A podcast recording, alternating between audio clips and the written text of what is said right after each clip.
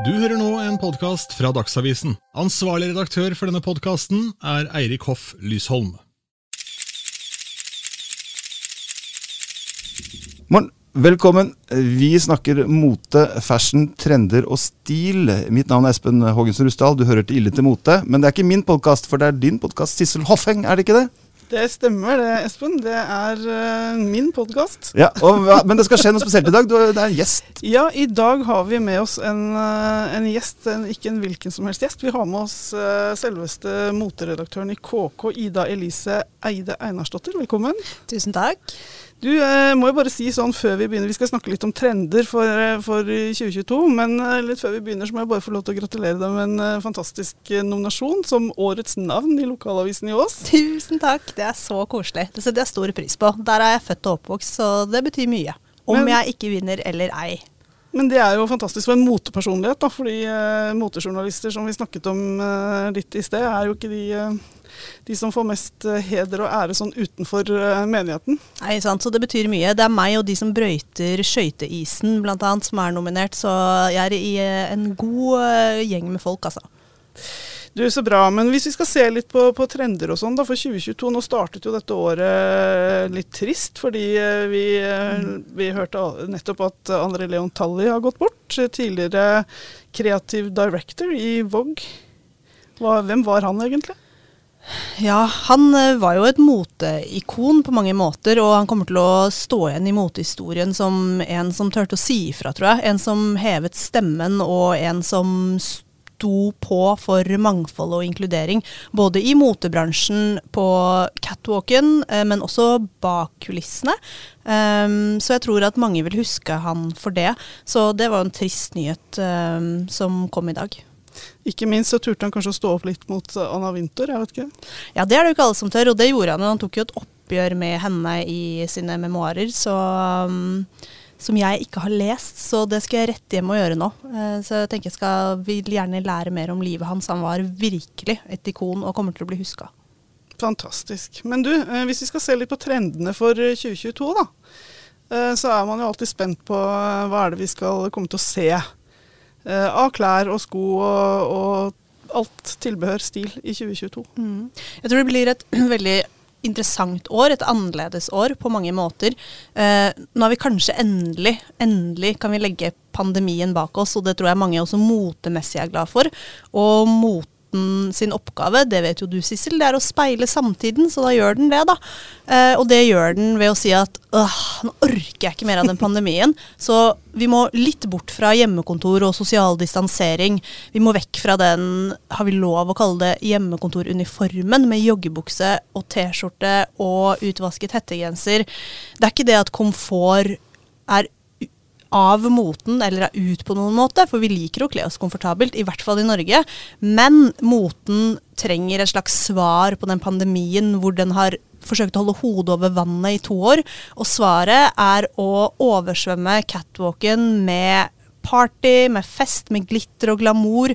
Studio 54 med farger, med alt du forbinder med fest og moro. Med sexy, ikke minst. Nå skal designerne ta sexy tilbake. Det sa Victoria Beckham eh, nylig, så det er det som kommer til å skje. Og da tenker jeg det er Halston som nå går sin seiersgang på Netflix. Det er House of Gucci, ikke sant. Spesielt er han slutten av 90-tallet, tidlig 2000, og Tom Ford var kreativ leder i Gucci. Alt det sexy og sassy som han sto for. Altså, og det er gøy å snakke om, vet du. Det er kort, korte miniskjørt, og det er kroppsnært, og det er ja. Det er nå blir jeg litt sånn glad inni meg, fordi når du, først når du sier sånn nå er det slutt på hjemmekontor og kos, så blir jeg litt redd. For jeg tenker jeg, jeg, jeg er en av de som har kost meg veldig med å jobbe på hjemmekontor. Syns mm. det har vært veldig fint mm. og, og, måte å jobbe på. Og, og, plutselig så skal vi liksom kaste oss ut i, uh, i festlivet. Du jobber jo på hjemmekontor fortsatt, Sissel. Jeg skjønner ikke hvorfor du skal begynne å klage nå. Nei, men jeg får litt angst når jeg tenker at jeg må ut av det, da. Men, uh, men du må bare sitte i miniskjørt på det. Nei da. Men Men vi trenger litt av begge deler, ikke sant. Altså eh, sportswear, da, som vi til dels kanskje kan kalle den hjemmekontoruniformen, er i hvert fall inspirert av det. Og loungewear kommer jo ikke til å forsvinne, ikke sant. Det var jo i motebildet lenge før korona. Men, men vi, liksom, vi, trenger noe annet, da. Og vi savner å pynte oss, ikke sant. Vi savner mm. å gå på fest. Mm. Og mange moteeksperter har jo spådd liksom the roaring twenties, at det kommer tilbake nå, da. Eh, om ikke det liksom blir ballkjoler og silkehansker, så blir det en sånn moderne vri, og det er det kortkorte og kroppsnære og cutouts, og det er liksom skikkelig sexy, da. Um, og det er sånn lenge siden vi har sett på catwalk nå, for før korona så var det mye overdimensjonert, um, mye, mye stort, og, og også mye av den sportswear-trenden, så det at man nå får se liksom den derre ja, sexy Tom Ford-greia igjen. Det syns jeg er kjempegøy. Men ja, ikke sant. Når du sier sexy, tenker du sånn Kommer det f.eks. hæler tilbake? Kommer vi til å gå i høyhælte sko? Ja, det tror jeg. Jeg tror vi må øve litt alle sammen. Eh, men jeg tror de kommer tilbake. De kommer til å være skyhøye, og de kommer til å være høye platåhæler. Og også, som jeg sa, de korte miniskjørtene. Det er jo liksom et av de store comebackene denne sesongen. Og skinn og masse av det. Og paljetter. Og det er liksom Det er alt eller ingenting føler jeg. What's not to like? Ikke sant? Og det er masse farger, og det trenger man. Det er jo en sånn optimisme og fremtidstro som ikke bare er for forbrukerne, men som jeg tror er for designerne selv. da. Eh, at de, etter det å på en måte ha strevd i to år under pandemien, trenger å også lage noe som føles litt sånn nytt og kreativt. Og så kommer det kontraster til de trendene igjen, som f.eks. helhvitt, eh, som kanskje er en slags sånn håpets farge også, da. Så catwalken er i veldig stor grad preget av pandemien, og preget av at vi nå krysser fingrene for at den er på retrett. da. Ja, for vi, vi, hadde jo litt håp i fjor sommer at da skulle man jo komme ut igjen, og plutselig så skulle man feste og glede Det seg. ble ikke så så, mye fest. så ble det liksom ikke helt sånn som man hadde tenkt, og så måtte vi tilbake inn igjen. Mm. Eh, Så, så er det en slags tretthet i motebransjen også. At man er, det begynte jo med at man var optimistisk, og det var liksom kjempedugnad, og man Mm. skulle vise ting på nett, og man skulle gjøre ting alternativt. Men er man rett og slett litt drittlei nå? Det tror jeg. altså Den nye catwalken som er sexy og gøy, den liker jeg veldig godt. Men når pandemien først kom, så skulle jo alle være kjempekreative. Eh, tenke utenfor boksen, og det var virkelig som det blomstra. ikke sant? Balenciaga lagde videospill i stedet for visning. Moschino hadde dukketeater.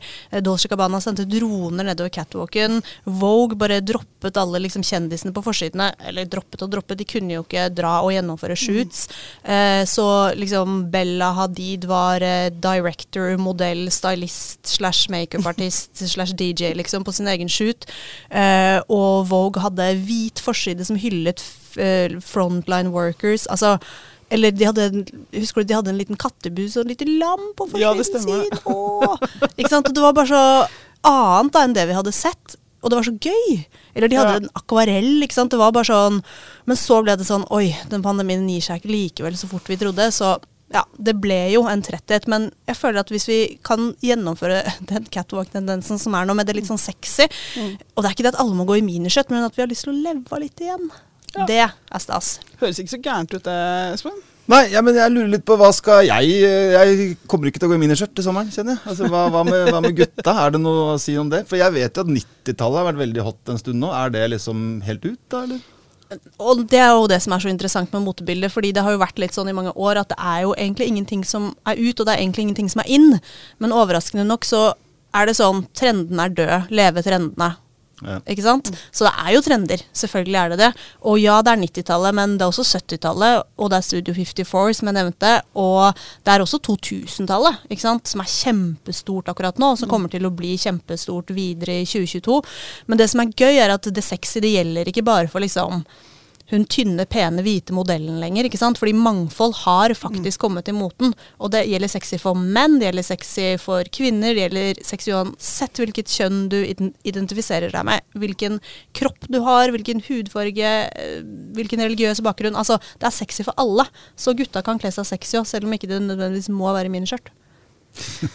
Nei, og det, eh, akkurat det du sier der, er jo veldig eh, typisk. Jeg kjøpte eh, første, eller første britiske Vogue nå i januar, og, og åpner altså det magasinet. Kjøpte det digitalt, riktignok. Men det er jo stort sett kun miljø og mangfold det dreier seg om i hele magasinet. Er vi ved et vannskille i moten hvor alle gamle systemer, alle gamle tanker, ideer, idealer må vike for noe nytt? Og, og snillere? Ja, og så er spørsmålet varer det, eller er det liksom bare et blaff? Det er jo alltid spørsmålet i moten som jo drives av disse blaffene. ikke sant? Alt går i sirkler, og som vi snakket om, 90-tallet, 2000-tallet, alt gjentar seg.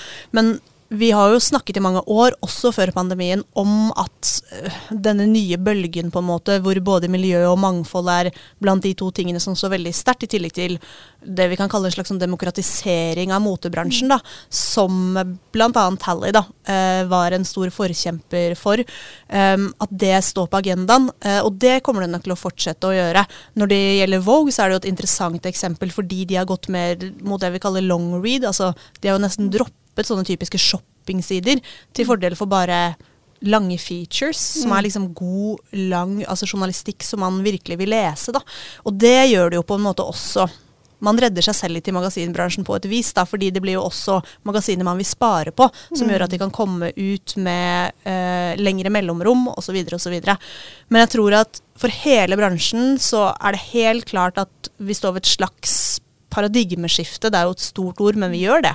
Hvor både miljø og mangfold står kjempesterkt. og eh, fra merkenes og designernes ståsted f.eks., så kan man jo ikke starte et motemerke f.eks. i 2022 uten å ha de to tingene meget høyt på agendaen. Da dør man, rett og slett. Da blir du cancelled. Da blir du cancelled. Nå skal ikke jeg hylle den cancel-kulturen, for det er jeg ikke kjempefan av, for å være helt ærlig. Men jeg tror at det å være La oss ikke kalle det woke, da, for det ordet har jo liksom fått litt uh, angst av. Men uh, la oss kalle det det å være trendfølsom da, på et vis. Det blir helt avgjørende for alle som jobber i motebransjen. Enten man er modell eller motejournalist eller designer eller redaktør. Men du, Er det noen bestemte designere eller personligheter som du tenker kommer til å være spennende å følge med på i 2022? Absolutt. Sånn i rekken av triste nyheter, holdt jeg på å si, så, så døde jo Virgil Abloh også, som var kreativ leder for eh, herrekolleksjonene til Louis Vuitton. Det var et kjempestort tap, uh, selvfølgelig for hans familie og venner og fans, men også for hele bransjen, og ikke minst for Louis Vuitton. Så det å skulle fylle hans sko nå, det blir ganske interessant å se hvordan de velger å løse det videre. For han har virkelig altså ikke bare endret, men revolusjonert det motehuset. Um, så jeg er ganske spent på hvordan det kommer til å ledes videre nå. Hva som blir løsningen der. Um, og så er jeg selvfølgelig ganske spent på hva som vil skje med Bottega Veneta mm. etter at Daniel Lie ganske overraskende uh, takket for seg. Etter å for så vidt også ha liksom revolusjonert, eller i hvert fall gjort meget store endringer for uh, luksusmotehuset. Nå skal Matthew Blaze inn. Han er jo ikke hvem som helst, sant? Han har jo en mm. superspennende bakgrunn fra, um, fra Raff Siemens, Calvin Klein til å ha jobbet mm. med Phoebe på Celine. Så jeg er ganske spent på hva han kommer til å gjøre. Jeg tror ikke det blir noe småtterier det heller, for å være helt ærlig. Så her er det litt, eh, litt av hvert å følge med på. Er det noen eh, norske designere som eh, er spennende å følge med på, eller skjer det noe her hjemme? Absolutt. Vi må jo bare nevne Phoebe Filo før vi avslutter ja, den. Ja, fordi absolutt. hun skal starte sitt eget merke, det er vel bekrefta. Så hva som vil skje der, det tror jeg en hel moteverden venter spent på. De har liksom bare ventet på hennes neste trekk. Og hun er jo glad i å holde kortene litt tett i brystet, men der er jeg veldig spent. Og så her hjemme, også i et skandinavisk perspektiv, da, så er det mange spennende nykommere. Eh, en svensk designer som heter Jade Cropper. Eh, hun har tatt det som heter Talent-slotten under eh, motuken i København, som, altså denne sesongen, mm. som skjer om et par uker. Eh, hvor hun skal vise sin nyeste kolleksjon. Og hun er virkelig en designer å følge med på. Alle de skandinaviske moteprofilene elsker henne. Eh, hvis det er et uh, hvis det er en fordel, og det tror jeg det er, i hvert fall kommersielt sett, så elsker også Kardashian-Jenner-klanen henne, for de har brukt badetøy fra henne, blant annet. Wow. Så hun er virkelig en sånn shining star på motehimmelen. Og så er jeg spent på hva som vil skje her hjemme. Nå har jo ikke vi noe egen moteuke før til høsten igjen, men Holsweiler, Tom Wood, By Timo de store, hva er det som vil skje med de videre? Hva vil skje med Celine Aagaards Envelope, f.eks., som har mm. vokst seg inn i himmelen? Mm. Jeg tror det kanskje det blir Fall, Winter, Spring, Summer sitt store år, hvor de for alvor gjør et internasjonalt gjennombrudd. Så det er mye spennende å følge med på her hjemme òg. Men kan jeg bare altså, tenke litt sånn Hvem er i stand til å ta over etter Virgil, da, for å si det sånn? Altså, jeg har liksom ikke mange sånn Nei, hvem skulle man kaste ja. inn i den uh, ligningen? Det jeg vet ikke. Dan Eli, da. Han er jo ledig på marknaden. Ja. Jeg vet ikke. Altså, det blir jo som å hoppe ut i Wirkola, liksom. Det er jo ikke for hvem som helst. Uh, og det var nok mange som rynket på nesen når han fikk den jobben i utgangspunktet. Det var jo en sensasjonsnyhet. Uh, og det var jo kjempeviktig også for mangfold, ikke sant. At det, Mm. det, at det kom en svart person inn som en kreativ leder for et så viktig Mm. motehus. Så han skrev jo historie bare da. Så ja, det, det er jo liksom ikke for hvem som helst. Men det blir spennende. Det er klart, det må jo ikke være en mann. Nei, det må det jo på absolutt ikke være. Det kan jo like godt være en kvinne, det. Eller i disse West, dager. kanskje? Ja, det, Ja, det er ryktet har jeg jo- håper jo ikke det, for så vidt. Men der har vi meg, da. Man har jo, det har jo vært spekulasjoner om om også. Sammen satt med Kanye-merch på seg, selvfølgelig. Ja, men. Men vi skal ikke glemme Telfar, da. Vår gode venn Telfar Clemens. Han skal vi også snakke litt om. Han hadde vært gøy å få inn, men jeg Ja. tror han er for uh, fersk ennå. Fortell litt om han, fordi han er jeg også veldig nysgjerrig på. Mm, Eh, han- Jeg forbinder han jo best med noen væsker, men eh, Ja, men det gjør man jo. Han lagde jo den snakkisvesken som alle snakker fortsatt om, som ble kåret til hva da, tiårets stillebehør eller noe. Det er jo ikke bare bare. Han lagde, kan vi kalle det liksom den moderne it-veska.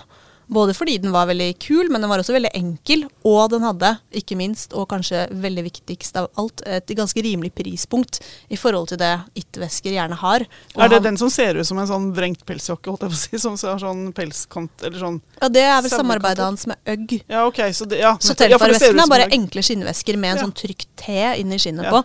Eh, som alle skulle ha. og som De solgte det på Yme i Oslo. Det var liksom tilgjengelig, da.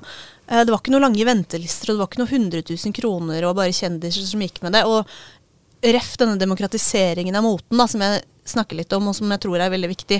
Han er en av de som på en måte er med på det. Um, så jeg tenker at han er en veldig eh, spennende fyr å følge med på. Han har jo sitt eget merke og kommer til å gjøre mange spennende ting under det. Det har han lovet.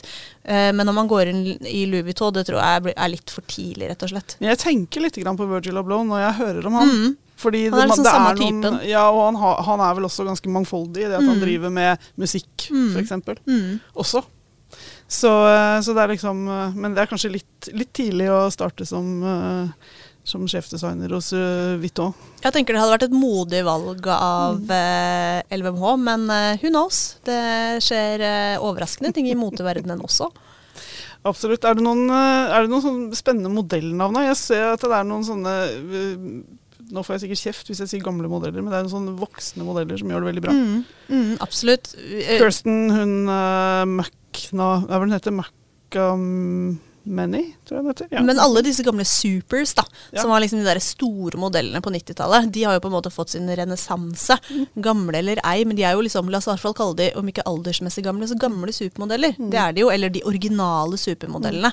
Eh, og det starta jo først for et par år siden, når de gjorde sånn comeback under Donatellas eh, Versace-visning, som fikk liksom ja, internasjonal omtale, ikke sant. Uh, når de ble samlet på slutten der, sto i gullkjoler og og hadde liksom sitt store reunion, da. Eh, så det har jo på en måte bare fortsatt. Og det er jo også et tegn på at eh, denne, det mangfoldet i motebransjen fortsetter, da. Ikke sant? Det er ikke bare de unge, liksom tynne, hvite, pene sosiale mod medier-modellene som kan klare det, da. Du kan også gjøre comeback som 50-åring, og det tror jeg er en viktig del av liksom moten anno 2022, da. Det er jo ganske morsomt. Og så har jeg sett at motetegningen er kommet tilbake. Illustrasjonen. altså Det har jo vært helt, hel, helillustrerte utgaver av magasiner.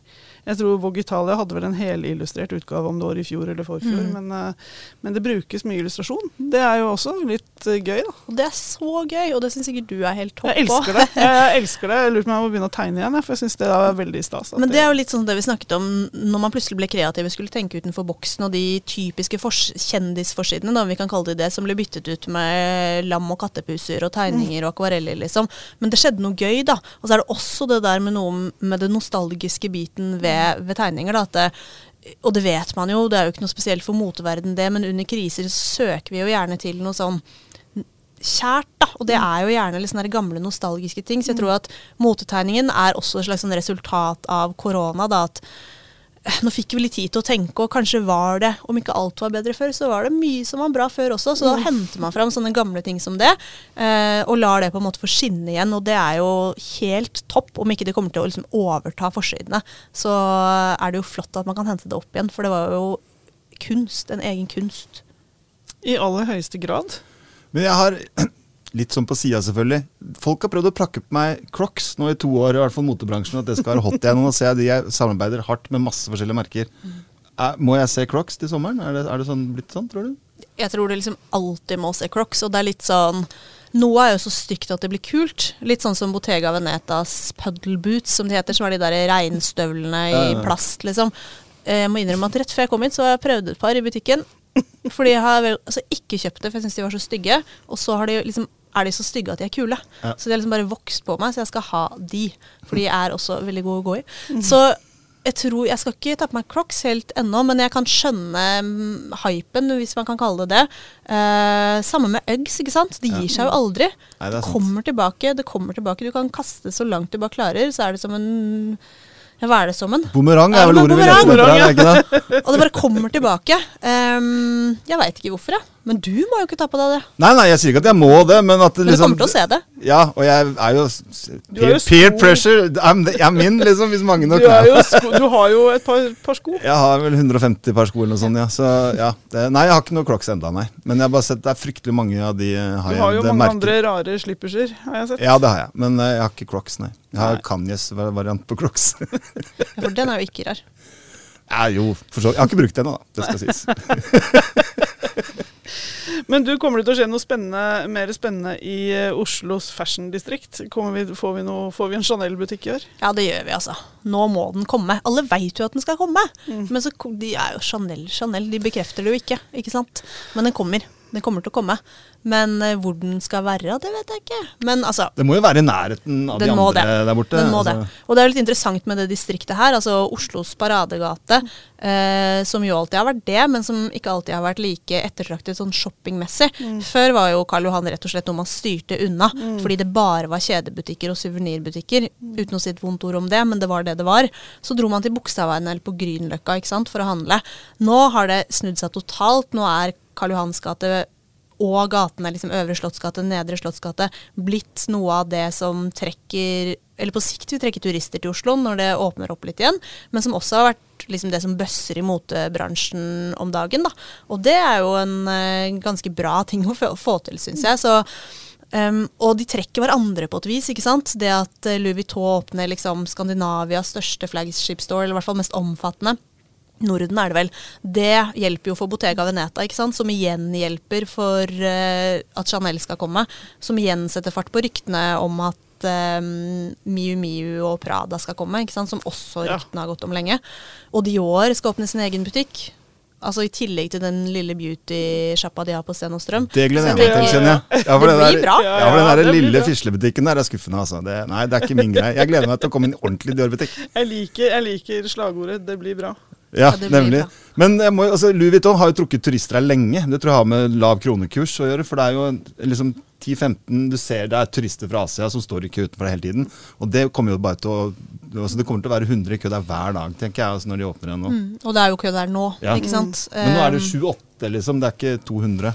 Men også når de, dette er sagt før, når Air Force Ones, uh, Virgin Louis Vuitton kommer i april, så kommer det til å bli helt kaos der. Ja, det gjør det. Men det er bra. Det har en god liksom, signaleffekt også, at uh, Oslo er god på shopping. For sånn har det ikke alltid vært. ikke sant? Vi har måttet dratt til, eh, til Stockholm for Chanel eller eh, til Danmark for noe annet, og nå er det ikke sånn lenger. ikke sant? Og det gjelder jo for så vidt andre typer butikker som er mer high street, også som Another Stories osv. Eh, som Arket savner vi jo ennå, men litt sånn mer sånn tilgjengelige butikker da, kan du si, som også åpner.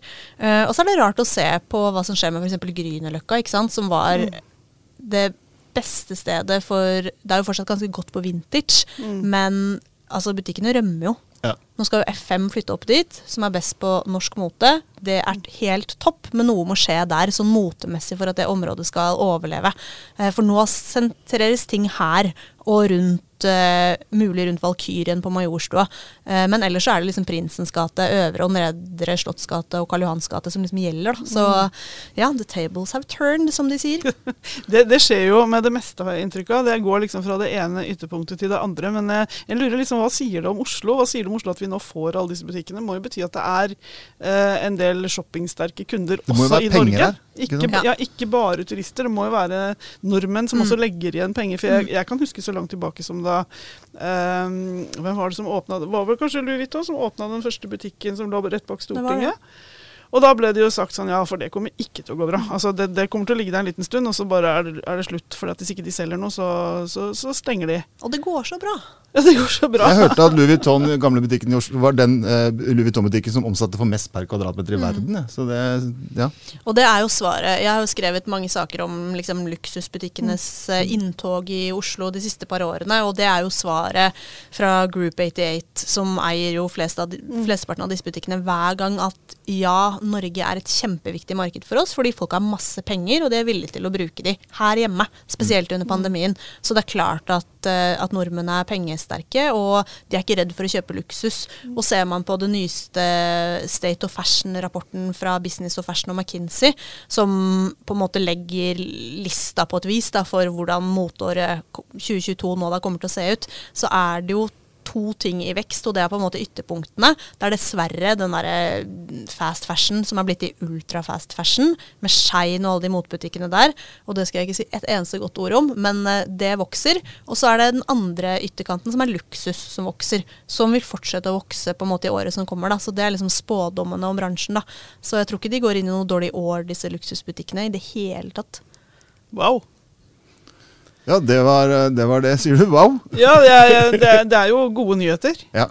Men nå, si? altså, Oslo eh, Jeg pleide alltid å dra til London for å shoppe før. Ikke Stockholm. Og. Det er jo like enkelt å dra til London, egentlig. Og jeg elsker jo London og Soho og rundt der og sånn. Og jeg har lagt merke til at de smågatene rundt her nå, der popper det opp litt sånn Så Stress har liksom tatt opp et nivå på hva de fører. og det er liksom Jeg spår at det kommer til å komme flere sånne små nisjebutikker i det segmentet der framover. Litt sånn som det er i andre storbyer. Eh, Fordi de tiltrekker seg de samme kundene. som Men like bare for, det, så, for, at det skal være sagt det, Vi må fortsatt dra til London, for det er jo verdens Ja, ja, herregud, herligste brekker Ja. Det må vi, men det er fint at Oslo kan på en måte posisjonere seg liksom motemessig. fordi altså Norge og norske designere og sånn har jo gjort det i et par år. på en måte Forsøkt å sette Norge på kartet motemessig. Og mange av de har jo også lykkes. Vi har jo flere store merker nå enn vi hadde for ti år siden, for å si det sånn. Så det at eh, vi også shoppingmessig kan på en måte sette oss se litt på kartet, det tror jeg er kjempeviktig for Norge som på en måte en motenasjon. Ja. å si? Er det lov å kalle Norge en Det var det jeg spurte meg selv om også. Tenk så gøy om vi kunne Ja. gjort det, da! Jeg kjenner at Der har vi tittelen på saken vår. Er det lov å kalle Norge en motenasjon? Jeg ønsker at vi skal kunne gjøre det. Ja, men vi kan vel det. Ja, og Oslo en mote... Hører du, Ikke akkurat Anette metropol, men- hører du der hjemme i koronakarantene? Ja, det stemmer det. Ja, det skjedde i dag, det òg. Trettebergstuen. Ja. Yes. ja, men eh, er vi ferdig snakka, da, eller? Ja. Kan vi oppsummere litt? eh, hvis, eh, hvis det er én ting da, som liksom kommer Altså, dette er liksom it-greia for Sexy. 2022. Sexy. Det blir sexy. Ja, deilig. Herlig. I love it. Ja, men da er vi ferdig snakka, da, eller? Ja, Ja. vi sier det. Får vi Ja. bare si takk til Tusen alle som takk for at du hørte på. hørte på. og Tusen takk for at du kom til oss. Og Tusen takk for meg. takk for at du hørte på.